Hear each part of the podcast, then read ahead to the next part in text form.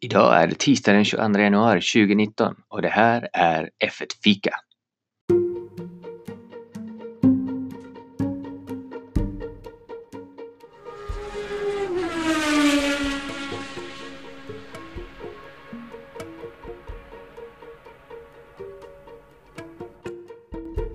God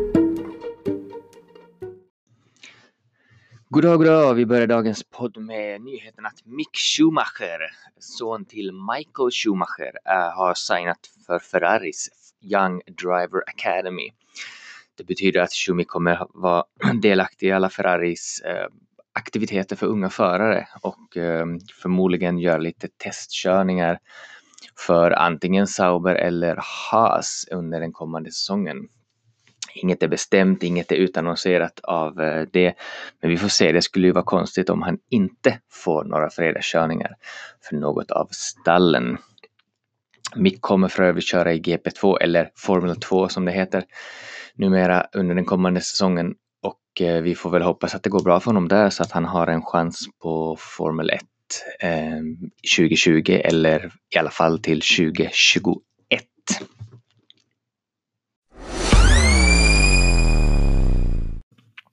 Vi fortsätter lite med om de kommande bilarna.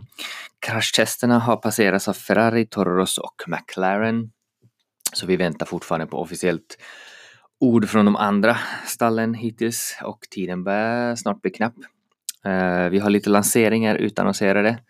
Det är fem stycken. Det är eh, Renault som kommer lansera 12 februari, Force India eller Racing Point den 13 februari, McLaren på alla hjärtans dag den 14 februari, Ferrari den 15 februari och igår meddelade Sauber att de kommer visa sin bil den 18 februari, vilket är vid starten av de första testerna.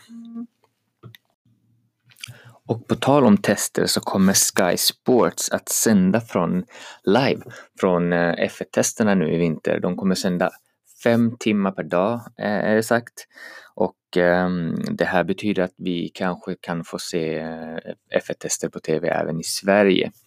Jag har nått ut till Viaplay och frågat men än så länge så hade de inget svar eh, på om det skulle bli så, eh, vilket inte är så konstigt eftersom Sky nyligen har utannonserat att de ska sända. Men vi får se, jag ska kolla med dem igen närmare när testerna börjar och hur det ser ut och ifall det kan vara så att vi kan få titta på det på Viaplay också. Och till sist lite härliga rykten.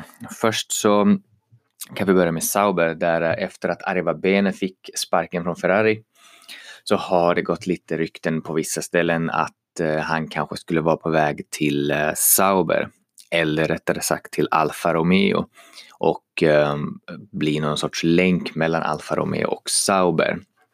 Och i, eh, i, i hela den här um, ryktesgrejen så var, var det även snack då om att Sauber skulle komma att byta namn till Alfa Romeo Racing och alltså bli av med Sauber-namnet. Ehm, jag har inte läst eller hört någonting annat om det här förutom en eller två källor så det kan vara att det var bara något påhitt just efter att ehm, eh, senior Arivabene fick gå. Men det skulle vara spännande och vi får se vad som händer den 18 februari när de har sin lansering.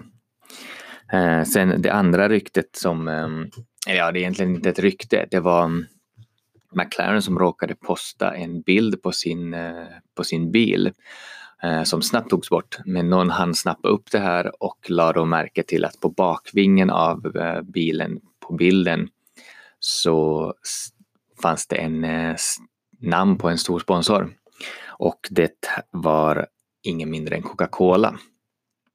McLaren har haft lite samarbete med Coca-Cola eh, genom deras andra varumärken i slutet på förra säsongen. Och det skulle ju vara ett, eh, en stor fångst för McLaren om de har lyckats övertala Coca-Cola att komma in i Formel 1 för första gången. Eh, och som sponsor till eh, dem då som haft eh, haft det knackligt eh, minst sagt senaste säsongerna. Eh, vi får se vad som händer men eh, det är ju en, en spännande tanke att ha en rödvit McLaren-bil med Coca-Cola på sidan om, eh, om det skulle vara så. Eh, det avslutar dagens sändning av F1-fika och vi kommer kanske tillbaka senare i veckan för nu börjar det närma sig eh, och nyheterna börjar trilla in titt som tätt. Så jag önskar er en god vecka så länge så hörs vi snart igen.